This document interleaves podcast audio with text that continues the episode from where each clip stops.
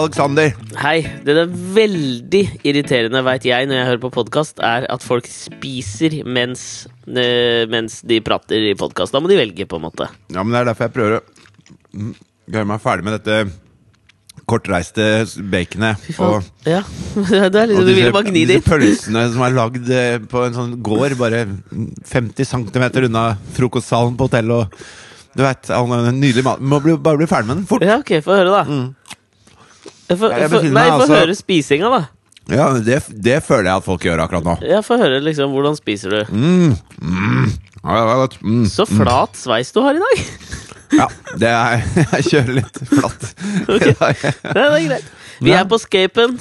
Ja, Nok en gang. Det, vi beklager at vi, denne kommer ut eh, litt for sent, men det, vi, har, vi har ikke hatt tid til å Nei, det er en inn. blanding av din feil og min feil, føler jeg. Litt kombo, men vet du hva, jeg orker ikke helt å beklage for et produkt som er gratis heller, men eh, Nei, Men, sånn, hold kjeft, bare nyt det. ja, da, jeg tenker Hvis det kommer ut innenfor samme uke, så er, bør dere være fornøyde. Men vi skal prøve nå også å øh, gjøre noen rattinger sosialt i livet vårt, sånn at vi skal få til dette enda bedre neste uke. Men det er litt sånn utfordringer skep-messig, for det tar litt lengre tid å gjøre.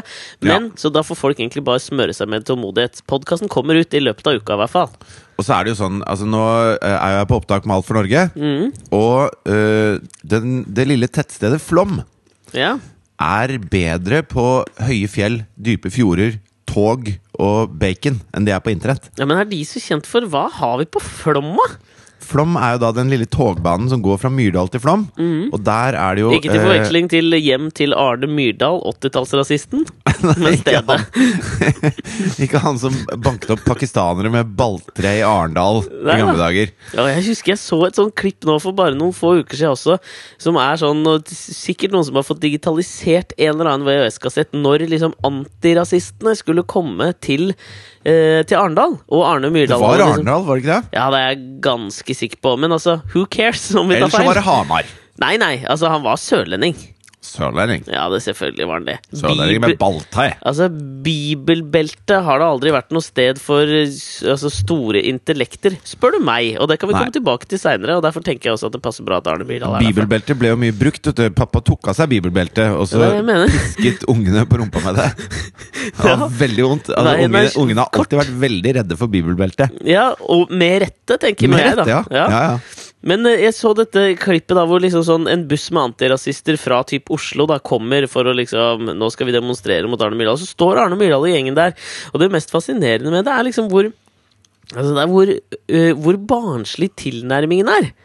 Altså, det er liksom De står jo og banker på denne bussen de kommer i, da, og kaster steiner og knuser ruter og i utgangspunktet er det skremmende. Jeg forstår at det er skremmende. Hvis jeg hadde sittet i den bussen, så hadde jeg vært redd. Ja, for var det antirasistene eller rasistene som satt i bussen? Antirasistene kom i bussen, og så skulle Ja. de bli jaget bort av rasistene med Arne Myrdal i spissen. Ja. Det som er så fascinerende, er at jeg ser liksom at liksom, det er skummelt når du Mm. blir angrepet med balltre og kampesteiner. Men så liksom, hvis du hører på hva de sier, og så følger denne fotografen dem når de på en måte har fått jaget bort den bussen, da, og, og sånn de prater Det er sånn jeg prata i første klasse på barneskolen. Ja, der fikk vi vist dem! Ha-ha!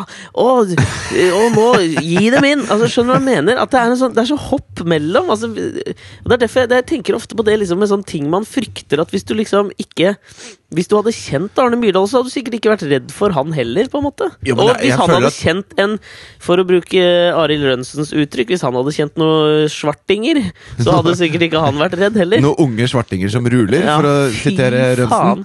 Det kan vi Men- få Ja. Men jeg tror ikke at vi nordmenn har noen tradisjon for å være barske, hvis du skjønner? Altså når du ser Nei, på, hvis du nei ser da, på vikingene. of- Ja ja, men det er veldig lenge siden, da. Jo, men, Jo, men hør nå her. Over en hel jævla kapittel i norsk Hør meg ferdig nå. vi har, ikke noe, vi har ikke noe tradisjon for å plyndre og voldta, vi nordmenn. Det er sånn foreldelsesfrist på de greiene der. Jo, men jeg tror selv da, når vi dro fra Jorvik og hadde liksom voldtatt en hel landsby sånn nord i Irland, Ja. så sa vi sånn Ha! Der viste vi dem! Ja, ja, vi gjorde nok det. Nei, men det jeg mener, det er at det, eh, på, under, liksom, på slutten av 1800-tallet da Nå jobber jeg jo litt med Alt for Norge, så det er mulig jeg er litt miljøskadd i min analyse her nå. Ja, eller Men- eh, hadde det vært også gøy hvis Arne Myrdal hadde lagd det programmet ditt, så hadde det jo hett Alt for Norge. ja, men han hadde jo Det hadde blitt altfor norsk hvis han gjorde alt for Norge. Det hadde det. Men, ja, eh, sorry, gå videre. Jo, for på slutten av 1800-tallet så var det jo Det var jo litt sånn krise her i, i, i moderlandet. Dette er ikke en podkast så mye som en eh, forelesning. det var litt krise. Ja, det var ja, en forelesning med eh, 40% kunnskap og 60% synsing. ja, om ikke mer av det sistnevnte, Ja, men kanskje enda mer synsing. Ja. Jo, ikke sant, det var, det var dølt, da. Det var lite poteter og var, Jo, altså befolkningen hadde fordoblet seg på bare to Du har helt generasjoner. rett. Ja. Vanskelig å, å få nok mat, ikke sant? ja. Og da, en, da er man i en situasjon hvor de gutta som, eh, som minner om eh, skuespillerne i Sons of Anarchy, da, Ja. de sier vet du, fuck dette her. Jeg hopper på en båt, drar til andre siden av klonen, aner ikke åssen det er der, men jeg er sikker på at det er bedre enn her. Jeg yeah. forlater alt. Jeg er en eventyrer, jeg er ballsy, jeg er kul. Jeg, jeg gjør det. Ja, Og de kul, reiste altså, over. Spørs, spør, kul, så kan vi være Nei, okay, forsiktige kul på å si. var, eh, kul var for mye, For å si men at du drar fra kone og barn, lar dem være igjen for å dø. Ikke like fett, men å ha Nei, men du baller sa 'vil du være med', Gerda? Vil du være med? Gerda var 'nei, jeg tør ikke'. Nei. Ok, da drar jeg. Ja, ok. Ja. Ja, det er hardt, det var jo mange da barn og kvinner også som dro. Ja da, for all del. Altså jeg mener, altså de, de folka som turte å rive opp livet med rota, ja. og dra til et sted som var Altså sitte tre måneder på en båt, og så komme i land et sted hvor du ikke hadde noe nettverk. Du hadde ingenting. Mm. Og de syntes det var en bedre løsning. Det er, det er de som eh, Det er de som dro dit. Det er de som bygde den nasjonen. Mens vi som ble igjen, da vi, vi turte ikke det. Nei, men uh, du hører jo jo de- liksom den kontemporære analogien i det du prater om, liksom, som jeg syns er fascinerende at vi har glemt. Åssen da? Nei, men altså, de hoppa på båten, de turte å rive opp livet med rot. Det var de tøffe, det var de kule. Det er jo de som kommer til Europa i dag, Ja, for faen. det er syrerne nå, Ja. ikke sant? Men det, jeg tenker at det er, det er liksom fascinerende der nå at liksom sånn Nå, eh, nå, nå glemte du i gåsetegn liksom hele vikinghistorien eh, for to minutter siden. Og det som er fascinerende, er at vi også glemmer at dette her har skjedd. I dag, da. Jeg, altså, jeg, jeg syns det er et eller annet med jeg, Da Altså, håper jeg at denne, denne podkasten Denne podcasten kan fungere for å sitere eh, Per Petterson, for, forfatteren. Ja. Altså, man kan egentlig huske alt så lenge du stikker sugerøret ned på rett sted i hukommelsen. Og det er det vi har, vi har glemt nå. Vi har slutta med sugerør i Norge i dag. Skjønner du? Det var en ganske bra metafor på dette her, eller? Jo, men det er dårlig overskrift. Alexander Nyhagen, hvordan Vi har slutta med sugerør i Norge i dag! Det er det som er feil! Jeg kan peke på noen ting som Syns er det var verre. bra, jeg. Syns det var Men, bra. ja, men uh, det, er jo, det er jo ganske sånn tydelig Altså Du vet når de gjør sånn hjerneoperasjoner, Mm. Så eh, alles hjerner er liksom litt forskjellige. Ja. Sånn at de kan, ikke, de kan ikke helt 100 vite om den lille fettklumpen der er språksenteret eller motorikksenteret eller sånn. De vet sånn røftlig hvor ting er, men Mm. det, er, det ligger på litt forskjellige steder på alle mennesker. Så når de åpner topplokket da for å fikse et eller annet oppi der, altså da, da tar de sånn liten sirkelsag, skjærer kraniet mm. og, og løfter av lokket, liksom. Sånn Ja. Som du ser på film. Ja, ja. Eh, og så må eh, den som pasienten da, være våken. Og så må de pirke borti de forskjellige delene for å dobbeltsjekke at det er den delen de tror det er. ja. Så sånn sett så funker jo den sugerøranalogien, at du stikker det på riktig sted. da Det, er, det henger jo på greip. det gjør det. Per Petterson og jeg, vi er ikke dumme, vi. Nei, men tilbake til Arne Myrdal. Da. Ja. Arne Myrdal er da Han stammer fra de som blei igjen, akkurat som vi. ikke sant? Han var ikke, Ja. han var ikke den som fikk eh, Han fikk ikke jobb i Hollywood, han. Han, eh, han var ikke en tøffing. Og, og da blir det litt sånn Og jeg, jeg er sånn, Hvis jeg ser noen slåss, så blir jeg ordentlig redd. Og jeg, hjertet banker, og jeg skjelver på hånda. Og jeg er liksom ikke Jeg er ikke bygd for de greiene der. Ser du ofte folk slåss? Hvor er det du henger Nei, når vi okay, ikke er sammen, da? jeg ser jo aldri det, da. Men, Ja, men, men jeg Men har det er sett det. Ja, jeg har ja, sett ja. det. Og da, da kjenner jeg at jeg, jeg Det er frykten, liksom. Altså, jeg får freeze. I den fight, flight og freeze. Ja. Freeze. Ja, Livredd freeze. Det der er skuffende òg, fordi at jeg tror man eh, forteller seg sjøl, og sikkert mange, sikkert nesten alle, forteller seg sjøl at man er fight, liksom. I Ja, fight, flight when push comes to shove, Ja. da er du fight. Av alle brødrene Dalton, så er du fight Dalton. Ikke sant? Du er, det. Du er ikke det- freeze Dalton. Nei, det er faen det er ingen som har lyst til å være Freeze Dalton. Men altså, jeg har, anerkjenner jo mer og mer at jeg nok er Freeze Dalton. Ja, jeg òg. Og det er er derfor jeg også tenker at jeg føler at jeg blir nå satt i bås, og sikkert mange av lytterne også, at vi blir satt i bås med Arne Myrdal. Men jeg mener at man kan bli på andre premisser enn å hate folk som kommer fra andre steder. Selvfølgelig. Man kan være god og varm, og det liker jeg å være. Med det sagt så tenker jeg 11-12 minutter med Arne Myrdal, bare fordi du nevnte navnet. Vi kan jo da gå tilbake til det du Ja, skal for det jeg egentlig sa, var at det er en togstasjon som heter Myrdal. Og Derfra går det en liten, en liten togbane. Ja. Ja. det Togbane høres veldig litt ut, da. Et, et Ja, men det går et faktisk tog der. Et faktisk tog fra Myrdal til Flåm. Og halvveis der så er jo Hulderfossen, hvor mine to søstre har hatt eh, eh, sommerjobb i mange år. Som Altså, huldre i fossen. Tenker du på Hunderfossen familiepark, eller? Nei, Hulderfossen er- ligger her oppe. Ok. Og det er der Huldra bor, da, liksom. Ifølge Ja. eventyret. Så da, Har vi på Huldra? så da når det lille toget kjører forbi, så stopper det ved Huldrefossen, og så går alle kineserne ut av toget. Jeg har litt på Huldra, så, altså. og så spilles det musikk, og så kommer det to huldre ut Eller først én huldre ut oppi fossen, og så Ja. danser litt sånn huldrete. Ja. Og så forsvinner de bak en stein, så kommer det ut mye lenger nedi fossen. Eh, det er jo da filmtriks, på en måte, for det er to, Det er to huldre. som gjemmer seg på forskjellige steder. Og begge er søstrene mine, som har pleid å gjøre det da, om sommeren. Jaså? Hvis Ja. men hvis du tar Hvis vi skulle nå ta det til hvilke to personer uh, i norsk offentlighet som har den største hulderauraen, så har jeg fasiten på det òg, hvis du lurte. Ja, hvem er det, da? Herborg Kråkevik. Og hun, Definitivt. hun har så jævlig hulderaura. Og da mener jeg ikke Det er ikke bare det at håret Kari Svendsen, eller? Nei, altså Er, du gæren? Banjo-Kari? Nei, jeg tenker på hun der gamle vokalisten. Hun har kanskje mer sånn vokalisten. nøkken-aura, hun. Kari Svendsen.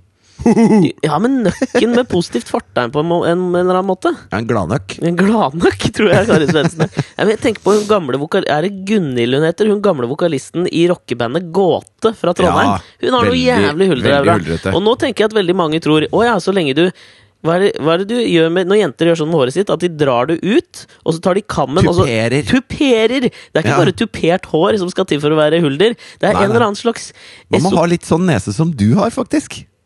Har, du har sånn nese som Herborg Kråkevik. Har jeg det, eller? Ja, Hun er har veldig fin nese, hun, altså. Ja, Herborg Kråkevik syns jeg er en nydelig type. Ja, nydelig dame. Ja, Ikke type. Nei, men altså, jeg ser ikke sånn Kjønn er ikke så viktig for meg. Det er mer å se mennesker. ja. Nei, men det jeg tenker er at det, det handler litt også om hvordan du eh, prater. Og dette her jeg var eh, Nå var jeg for noen ja, skal vi si to måneder siden, da da det fortsatt var snø, så var jeg oppe i Sankthansheimenparken og skulle ake med Asta. Og du vet sånn når du føler at du ser folk utenfor deres eh, vante element, så er det Alltid når det er sånn bokstavrim, så føler jeg at det er tittel på et sånt barne-TV-show. Aking med Asta! Å ja! Ja. Det kunne for så vidt vært et bra Jeg et her. bra jeg. program, det, tror jeg. Men jeg var nå i hvert fall og aka med Asta. Ja. Og så, eh, jo, altså Det som er så rart, er sånn når du ser folk utenfor elementet, som du er vant til å se dem i. Og noen mennesker i norsk offentlighet er veldig sånn knytta til det de gjør. Og for meg så er Herborg Kråkevik veldig knytta til liksom sånn en eller annen slags eh, røykete scene og Edith Piaf-viser, Ja, liksom. det, er, det, er, det er høykultur. Høykultur. Ja, på en eller annen måte, men samtidig så er det liksom ikke så høykultur at hun liksom henger med Jon Fosse, skjønner du? Nei, nei. Hun stiller opp på Senkveld Ja, live. Ja, ja. Selv om hun er høykultur, på en måte. ja. Det gjør jo ikke Jon Fosse. Nei, det gjør hun ikke. Men, eh, men øh, det, jeg, Kan jeg ta en, en mal apropos, eller? Ja, ja, kjør i vei. Ja, eller Den er ikke helt mal heller, for jeg hørte en uh, artig eh, sidehistorie om Jon Fosse her. Er. Skal vi snakke om Jon Kan ikke Før du sier det, da. ja, Jeg er i Flom! Det er det jeg skulle fram til. Jeg Så- er i Flom! så, så På et fint, hotell i Flom. Så fint, da. Ja, Fredheim hotell. En av de historiske. Så jeg ser på høye fjell og er på innspilling av Alt for Norge, da. Ok, Jon Fosse. Agnes Ravatn, forfatteren av Fugletribunalet. Jesus, Hun Åh. Jeg, har litt- jeg har ingenting på Agnes Ravatn, men jeg bare har- hører på navnet at jeg er ikke interessert. Ja, men Hun er også litt sånn hulderaura, men hun skulle jo egentlig være Da Bård Tufte Johansen og Harald Eia gjorde eh, Storbynatt, så skulle jo liksom Agnes Ravatn bli den nye store liksom reporteren. Den nye kvinnelige reporteren som skulle liksom revolusjonere TV-bransjen. Hun var artig, hadde skrevet i Dag og Tid i mange år. Og så nå skulle hun liksom sånn ut på skjermen, for hun var litt artig, polemisk, litt hard og morsom, ikke sant? Og så snakket hun liksom nynorsk. Og hun hadde sagt ja til å bli med. Eh, Men så kom hun jo aldri på skjermen, og grunnen til det var Jon Fosse. For hun hadde okay. spurt han om å være med i det første innslaget som hun skulle lage på Storbynatt. Da skulle hun lage en sånn firestjerners middag vestlandsedition, hvor alle bare satt og holdt kjeft rundt bordet. Og da skulle Jon Fosse være med eh, som en av de, da. Som jeg tenker okay, okay. som en jævla Det er en morsom idé. Ja, gøy idé. Eh, og så hadde han sagt ja først, men så sa han nei etterpå. Og så ringte hun og bare Du, d- eh, dette var litt dritt. eh, Jeg skjønner hvorfor, for jeg har egentlig ikke lyst til å gjøre det sjøl. For hun begynte å få jævlig nerver. Og da var det Jon Fosse som overtalte Agnes Ravatn til å ikke bli eh, en TV-stjerne, men en stor for ny, kanskje, forfatterinne. Det Ja. bare den lille det? malapropoen. Absolutt. Fulltribunalet slo det og Nå er, nå er hun slått igjennom, syns jeg. Nå skal det Ah, bli film. Det har vært uh, teater. Jeg følger hun er igjennom. Okay. Det var bare en bitte liten apropos på det, så jeg er i Sankthansparken. ja, du er og aker med Asta. Ja, og der ser jeg da to uh, unge jenter som aker rett ved siden av oss på pose, hvis man tar på seg pose og aker Ja, når man ikke har råd til akebrett. Det var det også jeg og Asta drev med. Og så For dere har eh, ikke råd til akebrett? Nei, jeg hadde ikke råd akkurat da. Jeg tror det koster 30 kroner for et sånt rumpeakebrett på Kiwi. Når jeg sier råd, så var det det med at jeg ikke På Kiwi! Ja, har de ikke de de Store, velassorterte matvarebutikker selger også rumpeakebrett. Gjør de det, eller? Jeg tror det. Ja, vi har fått akebrett nå, altså, men det var liksom første gang vi skulle prøve. Så Og da hadde vi bak oss- Du har fått deg jobb i TV 2? Jeg har fått jobb TV 2. Og da kjøpte jeg meg et jævla flå, en Stiga Snow Racer. Å, det er gøy! Det er raft. Men da var vi på poseaking. Å, Stiga. Det er lenge siden jeg har hørt det navnet. Stiga var, Det er barndommen, altså. Ishockeyspill, Stiga. Kjempegøy. Snowracer, kjempegøy. Ja, Stiga var bra. Det var en stor del av min barndom. Stiga, også som står for et av de mest minneverdige øyeblikkene i norsk filmhistorie, spør du meg, da. Ok? I eh, Morten Tyldums 2003-fi romcom uh, buddy, hvor Aksel Hennie og Nicolai Klevebrok står og spiller, og som en metafor på å satse på kjærligheten, så sier Aksel Hennie til Nicolai Klevebrok noen ganger så må du jo bare slippe keeperen og angripe med begge henda, og da sikter jo han til Stig av Stiga-keeperen. er det derfra? Ja! Du har jo sagt det Ja! altså, Du sier det jo en gang i uka. ja! Det er mitt Minst. favorittsitat fra norsk film. Det er Stigas sitat! Ja, ok, greit. Så står vi der, da. Jeg, synes, jeg har aldri skjønt det sitatet. Men nå skjønner du det. Er det Jo, men jeg ganske synes bra? det er litt crap. Nei, det er jo ikke det, Fordi det er jo hele poenget i Stiga og ishockeyspillet er jo at du må jo Nå slippe keeperen. Nå skjønte jeg den! Du kan jo ikke stå med den ene hånda på keeperen hele tida! Da klarer du aldri å score, for da må du bruke venstrehånda der oppe, og det er dritvanskelig. Men hvis du ikke tenker på det som et ishockeyspill, da Hvis du ikke tenker på at du faktisk slipper den pinnen som styrer keeperen på ishockeyspillet og så, går, og så går du f.eks. nedover en vei i, på Vestlandet sammen med en god kompis, da og så sier han av og til så må du bare slippe keeperen og angripe med begge hendene. Så er det jo helt god dag, mannskap. Det henger jo ikke på greip i det hele tatt. Og sånn, sånn har du vært i fem år for meg. Tenk det! Jeg trodde du, har, jeg trodde du skjønte det sitatet, for du var veldig Nei, nei, nei. hyggelig. Og, men selv om du Ja, men vi var jo på du- TV av og til når du sa det. Og så tenkte jeg jeg kan ikke drite ut han her. Jeg må bare le med deg det. Late som jeg skjønner det. Utrolig! Du har ikke skjønt det før nå, nei? Nei, nei. Jeg trodde vi var helt in tune med at det var Overhodet ikke. Og det er jo jeg som klippa det TV-programmet som du sa det i. Så jeg klippa det jo rett ut. Jeg bare, fy faen, Det er for pinlig for Alex Ja, å komme med sånne dårlige sitater. Men nå skjønte jeg at et bra sitat, sånn, ass! Hvorfor faen klippa du ut det? Jeg tenkte det var jævlig on fleak akkurat der jeg sa det. òg. Ok, men vi er nå i hvert fall der. Ja. Og Aker. Og det som er så fascinerende da, er at da ser jeg at eh, moren da, til de to jentene som aker rett ved siden av oss Og da, Man får jo en viss sånn interaksjon når man Det er jo ikke så jævla stor akebakke der. Så det blir en viss sånn eh, interaksjon, så jeg prater liksom med de to jentene, og de liksom prater litt og tuller litt med Asta og sånn. Og så kommer liksom moren gående opp, da, for hun hadde liksom akt ned, og så hadde jeg ikke sett Man har jo mye klær på seg, man ser jo liksom ikke Man studerer jo ikke folka, liksom. Nei. Men så er det Herborg Kråkevik, som Ja. er moren. Hva het de barna? Det lurer jeg på. Ja, det var det. Jeg skulle så gjerne visst det nå, men jeg lurer på om det var tåke og eple, ass. Ja, det er noe sånt. ja, jeg vet ikke, men det var et eller annet. Tåke og, og fond. Det kan godt være, og da ikke kyllingfond, liksom. Nei, nei, men en, en, en isbre. Ja. Altså, Som i fuglefonna. Ja, ja. Men, men det som var så gøy der, er at det liksom sånn Nummer én, så blir jeg, jeg blir litt starstruck av eh, Herborg Kråkevik. Ja. Det må jeg si. Hun har en aura av liksom stjerne. Ja, men hun har det. Ja, ja, jeg skjønner hva du mener. Marlene Dietrich-aura. Skjønner du hva jeg mener? Det er et eller annet sånn Ja. over da. Ja, men jeg husker på den der, det tiårsjubileet til, eh, til eh, Senkveld. Ja. Så når de sto på scenen i Spektrum der, og så hadde hadde de jo masse gjester, og det var jo, det var jo flotte gjester, for, for guds skyld. Ja. Flotte gjester. Men når Herborg, ja, men når Herborg Kråke kommer på, så har hun altså en aura av eh, Det er noe mye større med henne enn med alle de andre. Starlet, er det det?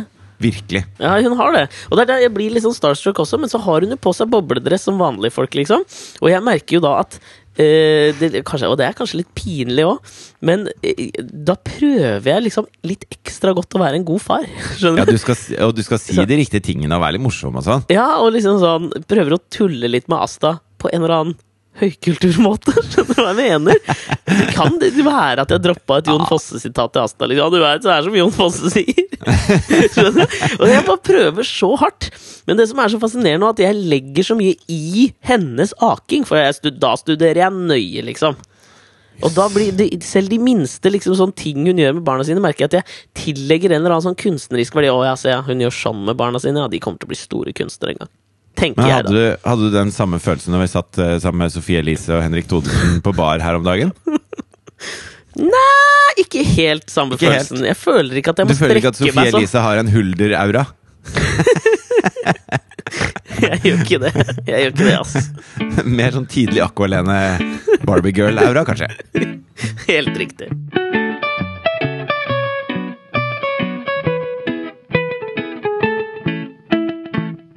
Men du, når vi nå har muligheten til å være utrolig liksom sånn on point med ting som skjedde veldig nylig, siden nå er jo klokka 08.25, det er søndag morgen, Ja. så tenker jeg at uh, jeg må ta opp én ting, og det var jeg satt i går og så på Komiprisen. Ja. Direkte fra Bergen. ja. Uh, og var, det var mange ting å legge merke til. Var det noen dyktige komikere som vant noen priser? Ja, absolutt. Det var det helt sikkert. Ja. Uh, Bjarte Hjelmeland vant jo en pris. Å ja, for, eh, for det eh, Hva heter det igjen? TV-programmet? Nei, nei, ikke for TV-programmet. Det var en eller annen sceneoppsetning. Oh, ja, ok. Som jo er hans foretrukne kunstform, er det ikke? Jo, jeg tror det. Men uh, det som jeg la merke til, var jo at uh, Kevin Vågenes, som i fjor vant årets uh, gjennombrudd, eller nykommer, eller noe sånt, heter det det? Ja. Skulle jo da dele ut prisen for da årets gjennombrudd eller nykommer. Skal jeg velge Ja. en av dem og si nykommer, da? Si nykommer, Ja, si årets nykommer. Som det jo fortjent nok var Christian Michelsen som vant. Ja. Men så var jo da lagt opp sånn i år at eh, Jeg vet ikke, så du på det, eller? Jeg så ikke på det. Nei, ok. Det var jo lagt opp litt sånn i år at alle som delte ut priser, på en eller annen måte roastet litt de andre som var i salen. Og det tenker jeg i utgangspunktet er en jævla artig og fin idé. For da slipper du alle de floskelintroene hvor folk liksom bare leser opp en eller annen preprodusert tekst som er halvmorsom. Ja, det er akkurat som hvis du roaster folk med litt kjærlighet, Ja. så er det akkurat som det er mer ekte enn hvis du bare skryter av folk. ja, det er for så vidt sant, det, altså. Syns jeg, da. Det føles mer ekte. Ja. Men samtidig ikke sant, er det mer ekte når du ser Jeg måtte jo sjekke liksom rulleteksten også, for jeg tenkte at uh, veldig mange av de roastene var såpass on point at jeg tenkte ikke faen om de folka her har skrevet det sjøl, og det har de jo ikke. Så de står Nei. jo egentlig bare og framfører en tekst som noen andre har skrevet, som er halvmorsom. Ja, ja. Men uansett, da. Så kommer Kevin Vågenes på scenen, uh, og han er veldig morsom. Ja. Han leverer jævlig bra. Og hele poenget hans er liksom i talen er jo på en måte at eh, det å vinne årets nykommer, det hjelper deg ikke en dritt. Så han liksom gjør narr av det her, da. Og Ok, så sier han fordi liksom det har ikke hjulpet han noe i år, liksom? Nei, han, han sier det med en viss sånn ironi at liksom telefonen har ikke stått stille. Dere ser meg blant annet i Fire stjerners middag, sier han liksom. Og der, og så, så, da ler jo folk, ikke sant? Og så kommer han da til punktet hvor han sier følgende. Der har jeg spist et veldig ålreit måltid sammen med blant andre eh, trommisen i det gamle bandet til Jarle Bernhoft. Ok, bare, bare la meg eh, misforstå dette korrekt. For jeg var på Firestjerners middag med han. Så uh, han skal liksom uh, si hvor B-kjendis Firestjerners middag har blitt. Ved å bruke meg som eksempel, og da titulere meg som trommisen i, det, gamle bandet til Jarle Bernhoft. Jesus Christ. Det er summen av mitt liv, altså. Det er det jeg er i hans øyne. Jeg som oppfatter han som så hyggelig Céline Dion-fanatiker. Ja, og jeg tenker jo også at Ja, for du, var veldig sånn der Ja, faen, jeg fant tonen med Kevin Vågen. ja, men jeg følte at jeg gjorde det! Ja, men hvor, ja, hvor altså for, for dere som da kanskje tenker Hva er det som er gærent med det han sier? Altså, Nummer én er det jo at han liksom disser Jeg var jo ikke trommis. Det er jo det hovedpoenget også. Altså, for det var første ikke er det trommis. faktafeil. Ja. Det er jo det det andre- jeg lo mest av. Men for det andre så er det jo sånn at det, når han da skal si at det, eh, For han gjør på en måte narr av seg selv også når han sier nå dra, graver de så dypt i skuffen at Ja. det er liksom ikke noe Det er bare sånn tullefolk som er med der. Ja. Eh, og da det eksempelet han trekker fram, er meg.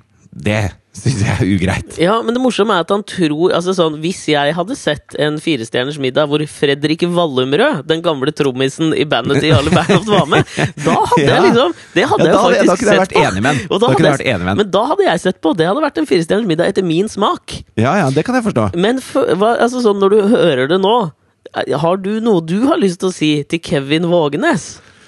Nei, altså jeg, jeg skal ikke gå rundt og bære nag. Jeg er jo en av de som ble igjen her i Norge når alle de kule dro til. Amerika. Ja. Så, så jeg Altså, Kevin får en klem. Jeg, blir, jeg, har ikke noe lyst til å, jeg har ikke noe lyst til å lage noe beef her, jeg. Jeg Men- driver ikke med beefer. Men gjorde du, spilte du ikke på noe tidspunkt i løpet av Firestjerners middag-uka noe gitar eller et eller annet som fikk han til å skjønne at så Ingen han, verdens ting. Han, han, han har gått og trodd at du er en trommis.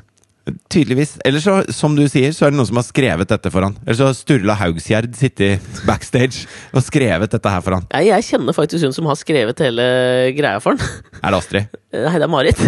er det det, ja? Da, Da kan du, litt skuffa der òg. Er neste det gang du ser Marit, så kan du knipse henne på nesa fra meg. Det tør jeg ikke, for hun er en av de som drar. Ok, jeg skjønner.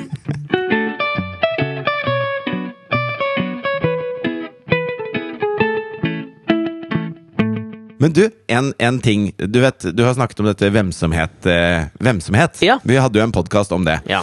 Det er der hvor du har lyst til å være litt, eh, litt for deg selv. Sånn at hvis du ser noen du kjenner, så øh, prøver du å unngå å stoppe opp og havne i en prat, for du er i et sånt modus den dagen. Ja. Hvis du skal fly alene hjem fra USA, ja. og du kommer fram til plassen din, Å, og du nei. ser at det er en du er bekjent med, som sitter på plassen ved siden av. Det er, det er et av mine største mareritt. Ass, fordi det er Hvor lang er flyvningen over? Ass, Seks timer? Ja, Seks og en halv, sju timer. Å, fy faen. Ok, så du, du skulle reise hjem fra New York, og dette Skulle reise hjem fra New York med, med altså, Armen er fremdeles gipset i 90 grader, så jeg er, jeg er klumsete, klønete. Jeg velter ting. Mm. Jeg får ikke på meg belter, og alt, alt er litt styrete, liksom. Yeah. Og den som sitter ved siden av meg, er Sturla Haugsgjerd.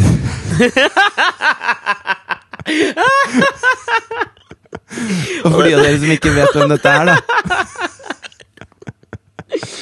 Å, dette, el dette elsker jeg, merker jeg, Altså. Og for de av dere som ikke helt vet hvem det er, Mm. skal, du, skal du sette Sturla? Eller? Han har jo vært med i podkasten en gang, blant annet. Sturla var med i podkasten for uh, tipper jeg, kanskje et par år siden, til og med, da vi fortsatt hadde gjester. Det var den siste gangen vi hadde gjester, hvor han Mm. og Øyvind Fugt, kjent fra Trygdekontoret og diverse Tweet for tweet, uh, har vært med. Sturla Haugsær har jo uh, fått en slags ny vår akkurat i det siste, for han har blitt en veldig vokal utfordrer av den norske narkotikapolitikken og stått fram med sitt øh, rusmisbruk. Ja. Eh, og nå har Han var vel i New York fordi han skulle holde en tale til FN. En utrolig smart fyr som har jobba med veldig sånn bakmann i TV-bransjen. Jobba i Trygdekontoret og diverse andre produksjoner. Første han gjorde, var jo At Home med Hasse Hope. Eh, jeg syns han er en helt fantastisk artig fyr. Eh, og så er han veldig konfronterende og hard. Noe Ja. dere, Hvis dere går tilbake og hører på den episoden hvor han er gjest, så kan man jo si at dere to klikka vel ikke umiddelbart. Nei. eh, eh, Jeg opplevde han som en som prøvde å tøffe seg noe jævlig hele tida. Ja, ok. Eh, men siden den podkasten så har han jo på en måte stått mer fram med det rusmisbruket og, og på en måte tatt en mer alvorlig linje, da.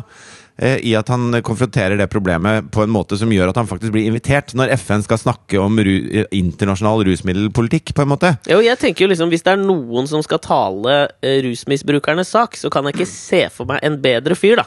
For Nei. han er sykt smart, kjempeverbal, og har liksom Han har kunnskapen. Sterke meninger Sterke og meninger. kunnskap. Og så er han ikke den du tenker på som øh, Oi, den fyren der har et rusproblem. Han er for liksom for vellykket til å ha det, og derfor tenker jeg at det er veldig bra da at han står fram. Men, men hvis jeg kan komme med en sånn betraktning fra sidelinja Fordi at det, han Jeg tenkte jo ikke på at han hadde et rusproblem når vi hadde han i podkasten.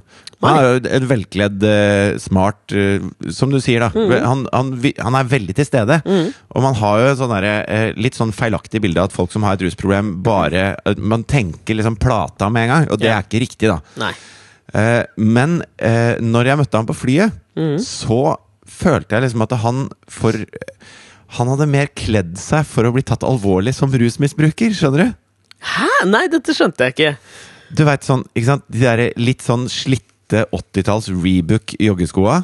Okay. Eh, en litt stor collegegenser med eh, et sånt gammelt trykk på, med noe Donald og noe altså liksom, du, du, Fila, er, liksom?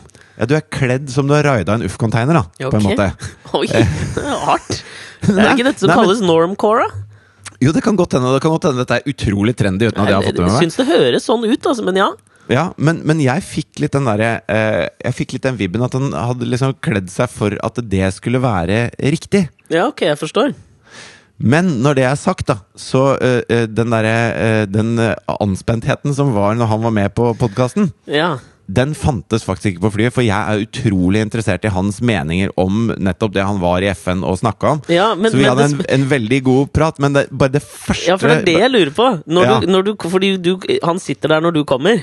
Ja, Ja. det gjør han. Og det Ja. siste du hadde liksom prata med han om, det var La oss si at det utvikla seg til en liten krangel, da, som vi klippa ut av podkasten. Ja. Fordi det var jo ikke noe gøy å høre på. Dere Nei, vi, vi krangla litt, vi. Og jeg og Øyvind Fugt satt litt sånn pinlig berørte på hver vår side. Og bare hva faen skjer nå? ja, men du vet, Av og til så glemmer man at man lager podkast, og så, bare, Ja, det så blir det dere. bare en litt sånn krangling med han. Men, men det var go- god stemning etterpå. Sånn. Det, er jo, det er jo ikke noe sånn at vi Vi var ingen- ikke uvenner, og det var altså. Når jeg møtte han, så var det hei, og han, han var blid og hei, og jøss, skal du sitte her? Og det var Men hyggelig. hva tenkte du da du kom gående gjennom midtgangen og ser der er mitt sete, der sitter uh, Sturle Haugsgjerd, tidligere kjent som Sordan Cosmoboy. Hva tenker du da? Nei, jeg tenkte Nå skal jeg se på film, tenkte jeg. Du tenkte det. Dette blir bra. Men hva, hva er det første du sier når du setter deg ned der? altså Vi, vi hilser, hilser på hverandre og sånn. Så han kjenner og- deg igjen. Ja, ja. Å faen, er trommisen fra gamle bandet til Bernhoft, da?! Men så var det Så, var det eh, så prata vi litt om eh, liksom eh, ruspolitikk, da, selvfølgelig, for det var litt sånn top of mind for han. ja. Eh, og så spurte han hva jeg hadde gjort, og at jeg hadde spilt inn liksom, introen til Alt for Norge og sånn. Mm. Og, og han eh, var litt sånn Å ja, hva er det for noe? Sånn type greie. Som jo er veldig sånn riktig for han å si. Ble du litt sinna da? Nei, jeg gjorde ikke det. Okay. Det gikk bra, altså. Ok. Men, men det, som var, det som var veldig rart, var at når han sovna, da, for det gjorde han ganske fort Og det er jo veldig bra for folk som klarer å sove på fly. Mm. Ja, er å sove på fly, Jeg får jo ikke det til. Ikke heller. Men Stulla han mista på en måte den derre intimgrensa når han sov. okay. Så han la seg pent på skulderen min, og ja, det var, det var hyggelig, det. Så satt jeg der med armen da, i 90 grader og så på en eller annen dårlig film om noe krig og noe greier. Mens Men, en eh, eks-rusmisbruker sikla på armen din. Og så var det veldig gøy, fordi at det, du merker litt sånn at det, de tingene jeg snakker om, de syns han er litt sånn lett, lettvekterske. Ja. Hvis du skjønner? Når jeg snakker om Alt for Norge og underholdning og podkast og, og gøy og moro og jeg har fått barn og bla, bla, bla. Ikke sant? Sånn helt vanlige ting. Mens de tingene han snakker om, er når han står foran hele FN og snakker om internasjonal eh, rusmiddelpolitikk og karteller og faenskap. Ikke sant? Ja, ja. Så er jeg han lettvekteren. Jeg, jeg ser det, jeg også. Ja. Ehm, og så eh, hadde jeg akkurat hørt en sånn eh, en radiodokumentar Mm. om eh, på en måte gjengkriminaliteten i eh, El Salvador. Ja. Som jo er et av de heftigste Farligste stedene i verden akkurat nå. Det er det stedet med flest mord, tror jeg. Eh, og, så, sa jeg til han at jeg akkurat hadde hørt eh, den radiodokumentaren om, om gjengene i El Salvador. Og så sa han å, eh, så jævlig fett. Eh, Hva var det for noe? Hvor, hvor var det, hva var det for, liksom? Ja. Nei, det var, noe, det var liksom for NPR, da. ja, ja. Embedded, eller? Nei, eh, det var, jo, det var det kanskje. og så sa han eh, For NPR? Fy faen, det er dødskult, da! Og så ble ble det sånn ordentlig med, liksom. Og jeg var liksom, litt sånn Oi, fett. Han, han likte kjempegodt at jeg har hørt på den radiodokumentaren. Fordi Apropos auraer, så har Sturla har en aura av at du ønsker å imponere han litt. Skjønner du hva jeg mener? Ja, og han gir helt faen i deg. Helt til, men plutselig da så så han på meg med nesten sånn puppy eyes, liksom. Ja, ja. Sånn, han så virkelig opp til meg fordi jeg hadde hørt den ene radiodokumentaren. Ja, ja. Eh, Så sa jeg ja, det var liksom om å gå eh, om å, For det var den som het Embedded, Ja, riktignok. mm. Om å liksom eh, gå inn og leve sammen med den, de gjengene der, som Mm. jo er de farligste folka i verden. Og han var helt sånn herre Å, fy faen, men hvordan fikk du mulighet til å lage det der, da? Og jeg bare Nei, nei. Det var ikke jeg som har laget det. Jeg hørte det på podkast, liksom. Jeg satt på toget og hørte det. Og han bare Å ja, ok. Og så så du øya bare glassa over igjen, og han bare Nei, jeg skal sove litt, det er, greit. Faen, ass. Men da, Da fikk jeg en liten smak, i hvert fall, hvordan det var å bli sett opp til av Sturla Haugstad.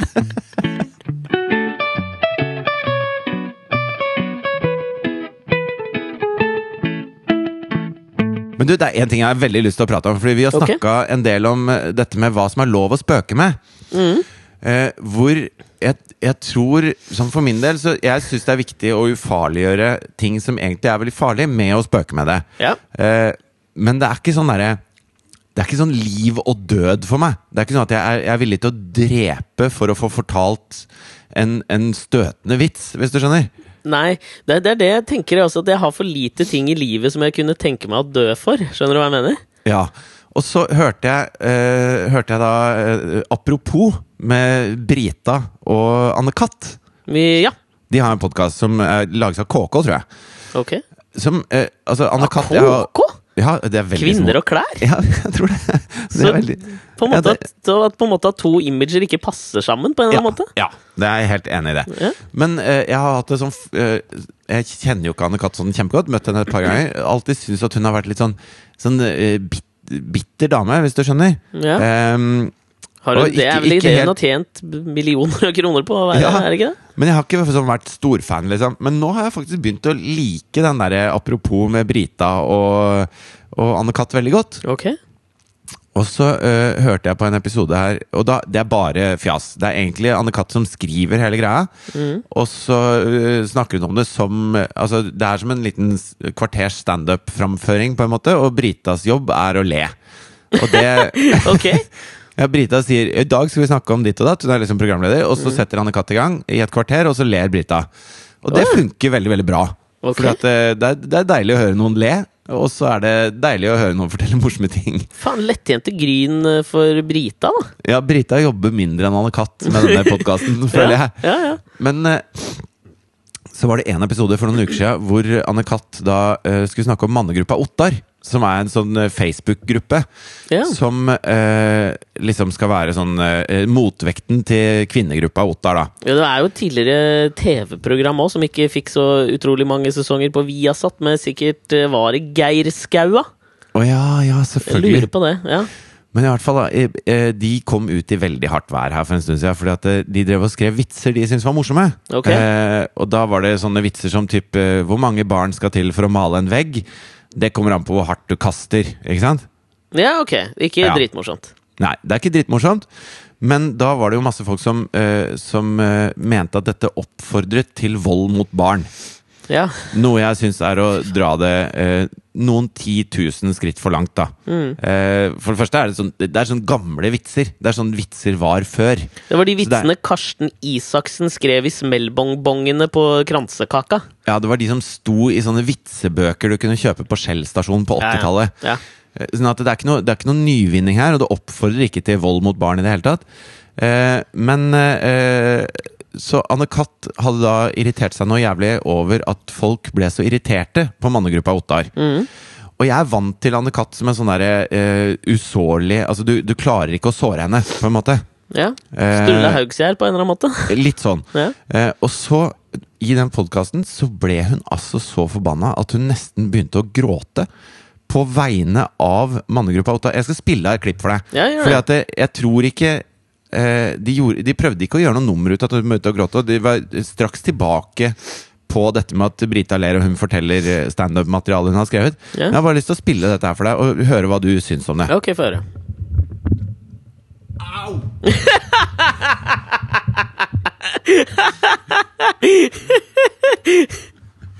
jeg prøvde å holde, holde mikrofonen med den vonde gipsa hånda mi. Det var veldig vondt. Tom Ok, mikrofon, vi prøver igjen. Vær så ja, god. Ja, ja, ja, dette tar litt tid. Ja.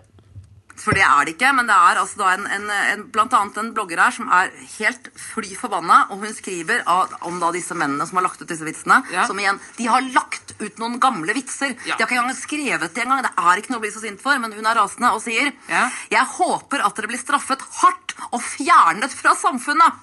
Mener denne bloggeren det? Ja, du syns jo ikke at det er å gå litt langt at vi skal fjerne slett fjerne folk fra samfunnet som legger ut vitser som du ikke liker?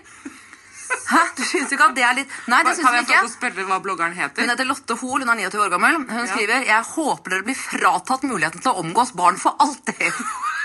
Og videre, Ja. så kommer den verste. Ja. Dere hører hjemme på cella til Anders Behring Breivik. Altså, Det du skriver her nå, er så mye verre enn de vitsene disse gutta har lagt ut. Ja. Dette er helt ko-ko. Og hvordan våger du og det er alvorlig, hvordan våger du å trekke linjer mellom at noen forteller en vits og en massemorder som Ja. skøyt en hel haug med unger. Hvordan skam deg å gå og tenke deg om. Uh, Kripos sier heldigvis at uh... Wow. Det er alvor, vet du. Herregud, jeg merker at jeg, jeg får ærefrykt overfor Anne-Kat. Ja, Jeg skulle det- ønske at jeg virkelig ble så på en måte følelsesmessig berørt eh, av en sånn kommentar. ass. Det, dette det er- har jeg respekt for. Ja, jeg er også veldig, og dette er jo ytringsfriheten i et nøtteskall, ikke sant? For som Anne-Kat. Så, eh, så velformulert sier, at dette er generasjon sykkelhjelm og dobbel dong som uttaler seg her. Ja, ja, ja. Eh, Men hun har jo stått på den der, Hun har stått der og vitsa om ting som folk mener hun ikke bør vitse om. ikke sant? Mm. Folk har blitt forbanna, og hun mener at dette er, dette er veldig, veldig viktig i samfunnsdiskusjonen. At man skal kunne på en måte ta de upopulære standpunktene. At man skal kunne Og dette har vi jo snakket om mange ganger, men jeg har aldri uh, følt et sånt engasjement som jeg hørte i stemmen til Anne-Kat. der. Og jeg, jeg beundrer henne for det. Og jeg, jeg, Ja, fy faen. Fikk liksom en sånn nyvunnet respekt for Anne-Kat. Hærland. Så dette var min hyllest til Anne-Kat. Hærland. Jo, men er det ikke Det er så deilig å liksom høre folk som virkelig bryr seg så mye om eh, Skal vi si liksom håndverket sitt, eller det de driver med. At de blir så følelsesmessig berørt av når noen prøver å kødde med det. Det syns jeg er utrolig deilig. Og for å bare ta den, eh, den, uke, altså den ukesaktuelle parallellen, da, som var jo at Arild Rønsen skrev en anmeldelse på bloggen sin hvor han skrev 'Nå ruller de svartingene' om Ja. de nye platene til Beyoncé og Kendrick Lamar. Som i utgangspunktet liksom sånn ja, Vi kan komme tilbake til liksom selve saken, men så så jeg på, på VGTV, så var det jo kalt inn til debatt, hvor Arild Rønsen skulle møte en annen komiker, nemlig Jonas Støme. Som jeg i utgangspunktet jeg, jeg Men liker, Arild Rønsen er jo ikke komiker. Nei, nei, men det, nå, det, jeg har et annet poeng her. Og okay. det er at Han skulle møte Jonas Støme, for Jonas Støme la, så jeg la ut på Facebook at han, var litt, uh, han var, ble provosert av det Arild Ja. Rønsen sier. Men uh, Forståelig nok. Ja, hvem ble jo ikke det? Og det visste jo Arild Rønsen òg. Men Selvfølgelig gjør han det. det er besides, jeg syns det er nesten er uinteressant å diskutere Arild Rønsen. For, han, for meg, han marginaliserer seg bare mer og mer. Altså, Arild Rønsen veit at folk reagerer på dette her. Og jeg merker at jeg er så utrolig lei av hvite middelklassefolk som bruker argumentet Ja, men jeg mente ikke Jeg mener ikke noe slemt med det når de bruker ord som åpenbart er, liksom, har negative konnotasjoner for alle som blir truffet av det. Og det som irriterte meg også litt, før jeg kommer til poenget her, var at det, jeg skrev en sånn kommentar eh, angående da hele den der jødegate rundt Karpe-raset her. Ja. Da fikk jeg jævlig mye kommentarer da denne Arild Rønsen-greia kom ut, eh, fra folk da som hadde vært litt uenige med meg i den sammenhengen. Hvor de mente at eh, Ikke sant eh, nå, De nå- at det Karpe gjorde, var det samme som det ja, nå er det gjorde. stille, liksom. Og det, det er bare det, det er jeg fullstendig uenig i, da. Fordi Ja, eh, det er, nummer én, liksom, det er kont alt handler om kontekst. Det har vi prata om før i denne podkasten også. Kontekst is king, og det er det her Jeg har, også. jeg har et veldig godt bilde på at Context is king. Ja, Det var noe, en eller annen jævla smarting da, vet du, som hadde tatt eh, BBC sine kommentarer til militærparaden på bursdagen til Kim Jong-un. ja. Eh, Kim Il-un? Kim Ung-yon? Kim Jong-un. Kim Jong-un i Nord-Korea. Og Ja. da er det jo sånn Når han har bursdag, så, så er det titusener av militære som marsjerer på stramme geledd, og det er bombefly, og det er tankser, og det er Mm. Publikum står og gråter, og det er Og liksom BBC-kommentaren var veldig sånn herre ja, eh, denne maktdemonstrasjonen er usmakelig, og bare liksom en lang sånn tirade da, mot denne bursdagsfeiringen til Kim Jong-un. Så har de tatt det lydsporet og lagt det på dronningen av England sin bursdagsfeiring. Hvor det Ja. går militærparade i geledd, det flyr jagerfly over, og det er tanks Det er akkurat det samme! Mm, Og, og når du hører de ordene mens du ser dronningen stå der og vinke, og alle disse britiske med sånne høye pelsluer og røde frakker gå på stramt geledd, så ble jo det akkurat like creepy. Og, det, og det, er, det er liksom Der viser du at kontekst er alt, da. Ja, og så mener jeg at liksom sånn, det handler om på en måte at språket vi bruker, er Språket er en slags sosial konstruksjon, ikke sant? Og ordene vi putter inn i det språket, har også et visst sånn sosialt aspekt. Det vil si at liksom, når du og jeg prater sammen, så prater vi på en annen måte enn når jeg prater til Asta, eller når jeg prater til sjefen min på jobb, eller når jeg prater med faren min. Eller når du prater i Herborg Kråkevik i Def- Akebakken. Altså, definitivt! Da hadde du ikke kjent meg igjen, kompis. Ikke sant? Og det, det det er en slags levende organisme som folk glemmer der. At liksom sånn Kombinert med kontekst og når man bruker ting, så har det en del å si. Altså, Ordene er ikke fristilt fra sin sammenheng eller fra hvem som sier det. Og det mener jeg at liksom kan ikke, du, Vi kan ikke sitte her i pottitlandet Norge og mene at liksom vi kan bare dra ut et ord fordi vi ikke mener noe negativt med det. Nei, og så er det veldig forskjell på ord er, der. da synes jeg, vet du hva, Folk som hevder dette her, mener jeg, det, det mener de har ikke tenkt seg nøye nok igjennom, og de må være litt dumme. Men Ja. det var ikke poenget mitt. Poenget mitt var da at jeg liksom sånn så på, så på denne, det som skulle være en debatt mellom Jonas Støme og Arild Rønsen. Og jeg liker jo Jonas Støme, men det var en ting som liksom bugga meg litt der. For da starter hele debatten med at Jonas Støme har reagert på på det Arild Rønsen har skrevet. Og Mhm. det første Arild Rønsen spør Jonas Støme om, er liksom Ja, men har du lest eh, anmeldelsen min? Og så svarer Jonas Støme Nei, jeg har bare lest overskriften.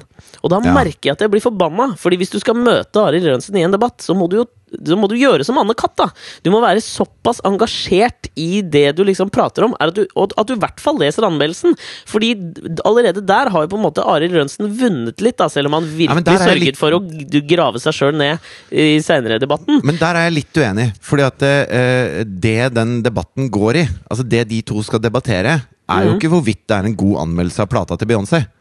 Altså det, det der er at Arild Lønnsen, med, med viten og vilje og fullt overlegg skriver en overskrift hvor det står 'Nå ruler de, disse unge svartingene'.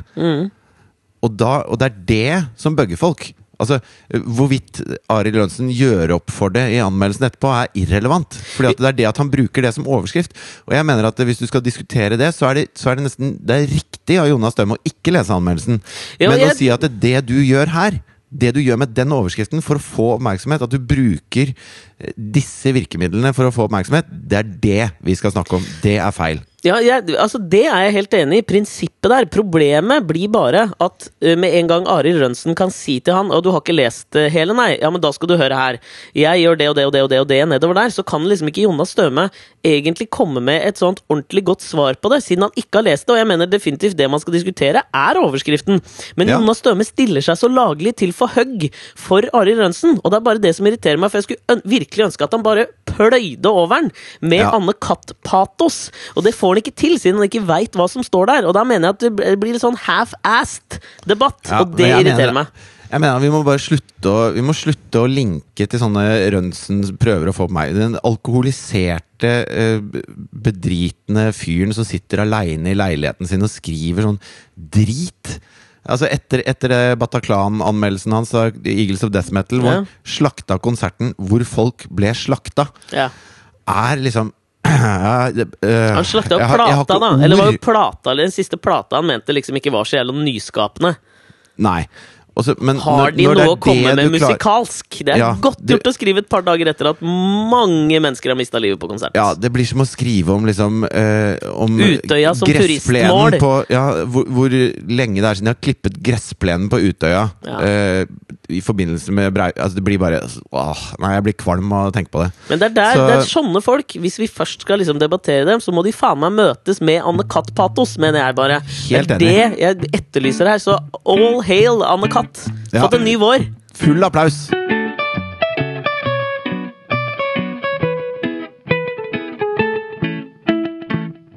Da er det vel på tide med uh, Things That Didn't Make The Cut, er det ikke det? Jo, jeg bare, for å bare komme med et lite innspill. Jeg ser at det begynner å komme en del kommentarer på at vi må bytte ut den jingeren. Og jeg tar det personlig. Jeg blir fornærma. Ja, men Du får lage en ny en, da, siden du mener du er et sånt musikalsk geni. Ja, jeg skal Så vi vurdere, se om men du jeg- kommer må opp til anklene på trommisen i det gamle bandet til Jarle Bernhoft. Ok, vi kjør denne nydelige vignetten, da.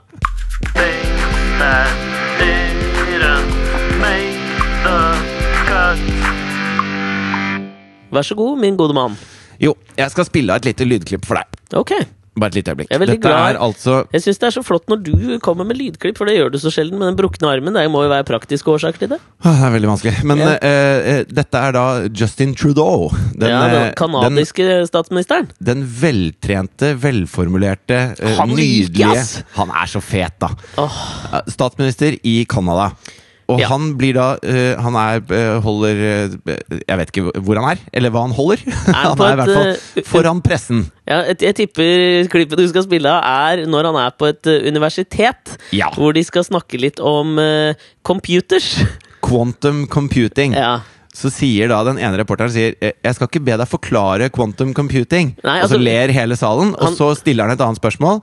Og så blir det litt stille i salen, og så begynner Justin Trudeau å prate. Uh, very simply, normal computers work uh, by. Uh, no, no, no, don't, don't interrupt me. When you walk out of here, you will know more. Well, no, some of you will know far less about quantum computing, but most of you, normal computers work either there's power going through a wire or not. It's one or a zero. They're binary systems. Uh, what quantum states allow for is much more complex information to be encoded into a single bit. Regular computer bit is either a one or a zero, on or off. A quantum state can be much more complex than that because, as we know, uh, things can be both particle and wave at the same times, and the uncertainty around quantum uh, states uh, allows us to encode more information into a much uh, smaller computer. So uh, that's what's exciting about quantum computing, and that's what altså, jeg elsker Justin Trudeau. Han har jo altså blitt kjent også for flere, Det har gått flere virale klipp med han. Ja, hvor han står, han står på henda, Ja, ja. Han, han sier alle de riktige tingene om alt. Han er alltid Ja, ja. lidenskapelig opptatt av alt som er godt, pent, riktig, fint, kunnskapsrikt, eh, ærlig og redelig. Jeg, jeg, jeg elsker den! Ja, Dette blir sånn hyllestpodkast, men jeg må bare si det er så jævlig fett. For det åpenbart så er det spørsmålet som stilles fra denne yeah, altså, det er en sånn journalist som liksom Nå skal jeg bare liksom sette den fast på, et eller annet, på en eller annen måte. Det som er så utrolig, utrolig kult her, er at det er en eller annen statsminister som bruker ordet overfor pressen binære forholdet mellom 1 og 0. Som Ja, ja. Synes er så ut Det her var så jævlig gøy, da. Det er, jeg setter så umåtelig stor pris på at han faktisk kan det han står og prater om. Han er, de fleste jo- statsministre hadde jo vært og snakka om quantum computing, så hadde liksom Hvis Erna hadde vært der, Ja, hun hadde pass. surfa den overflaten, ass. Ja, ja, ja. Og så er det litt sånn Hvorfor skal ikke de smarteste menneskene være de som bestemmer? Ja, ja. Hvorfor skal vi ikke ha smarte ledere?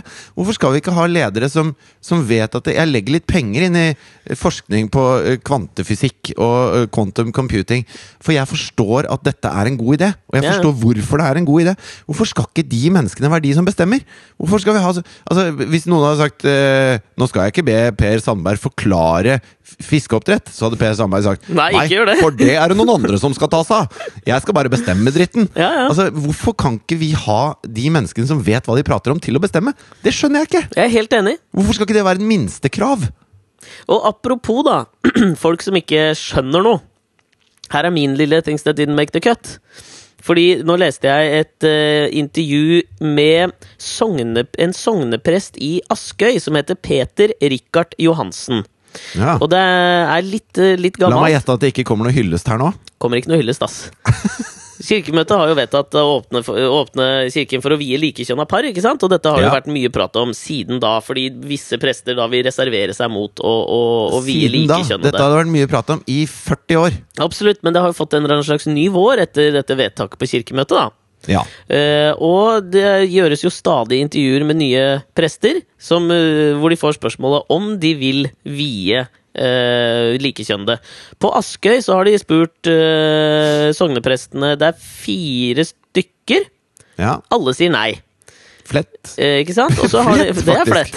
Flott, Men- var det jeg prøvde å si. Men det som jeg syns er fascinerende, det er dette intervjuet hvor Peter Rikard Johansen skal på en måte argumentere for hvorfor han ikke ønsker å vie likekjønnede. Og det er så mye her som, som bare får meg til å miste troa på alt. Ja. Men det ene som er fascinerende, altså det han bare henviser til, er jo at eh, det står i Bibelen at dette skal man ikke gjøre. likekjønnede par skal ikke ligge med hverandre. Og det morsomme er at rett etter han har sagt det, så, skriver, så sier han her Jeg forsikrer at han ikke leser Bibelen bokstavelig, selv om han ser at det kan virke slik. Ja, Ja. det er vel Ja. akkurat det du gjør. Ja. Men så det mest fascinerende her er langt nede i intervjuet så stiller journalisten det betimelige spørsmålet Er det egentlig rom for lesbiske, homofile, bifile og transpersoner i din menighet? Det er et betimelig spørsmål i denne sammenheng, mener jeg. Ja, ja. Og svaret til Peter Rikard Johansen mener jeg diskvalifiserer han til alle mulige verv innenfor Den norske kirke, og svaret er som følger. Han er det motsatte av Justin Trudeau, tipper jeg. Ja, I løpet av mine åtte år som prest har jeg ikke sagt et eneste ord om homofile fra prekestolen, begynner han. Og Der mener jeg det bør, bør ringe noen bjeller. Ikke sant? Da- og selvfølgelig, men jeg ser jo at ting. enkelte mennesker mener det ikke er en selvfølge når jeg ikke kan gi alle det de ønsker. Det jeg kan gi, er Guds kall og veiledning til et hellig liv, og det gjelder alle. La meg bare si først at hvis du da i løpet av dine åtte år som prest ikke har sagt et eneste ord om homofile fra prekestolen, så bør vel det være et lite nikk i siden til at kanskje ikke alle føler seg velkomne i den jævla kirken din. Og Ja, og du, det- det- er det det- din Er det du som kan gi Guds kall og veiledning? Så du, har du en hotline til Gud, du, da? Du som ikke leser denne jævla bibelen bokstavtro. Dette er faen det dummeste jeg noensinne har hørt. Og altså, kast den ut av den jævla kirken. Dette er, sånt her provoserer meg. Altså, så Det blir nesten Anne Katt-patos. Ja, men jeg er helt enig.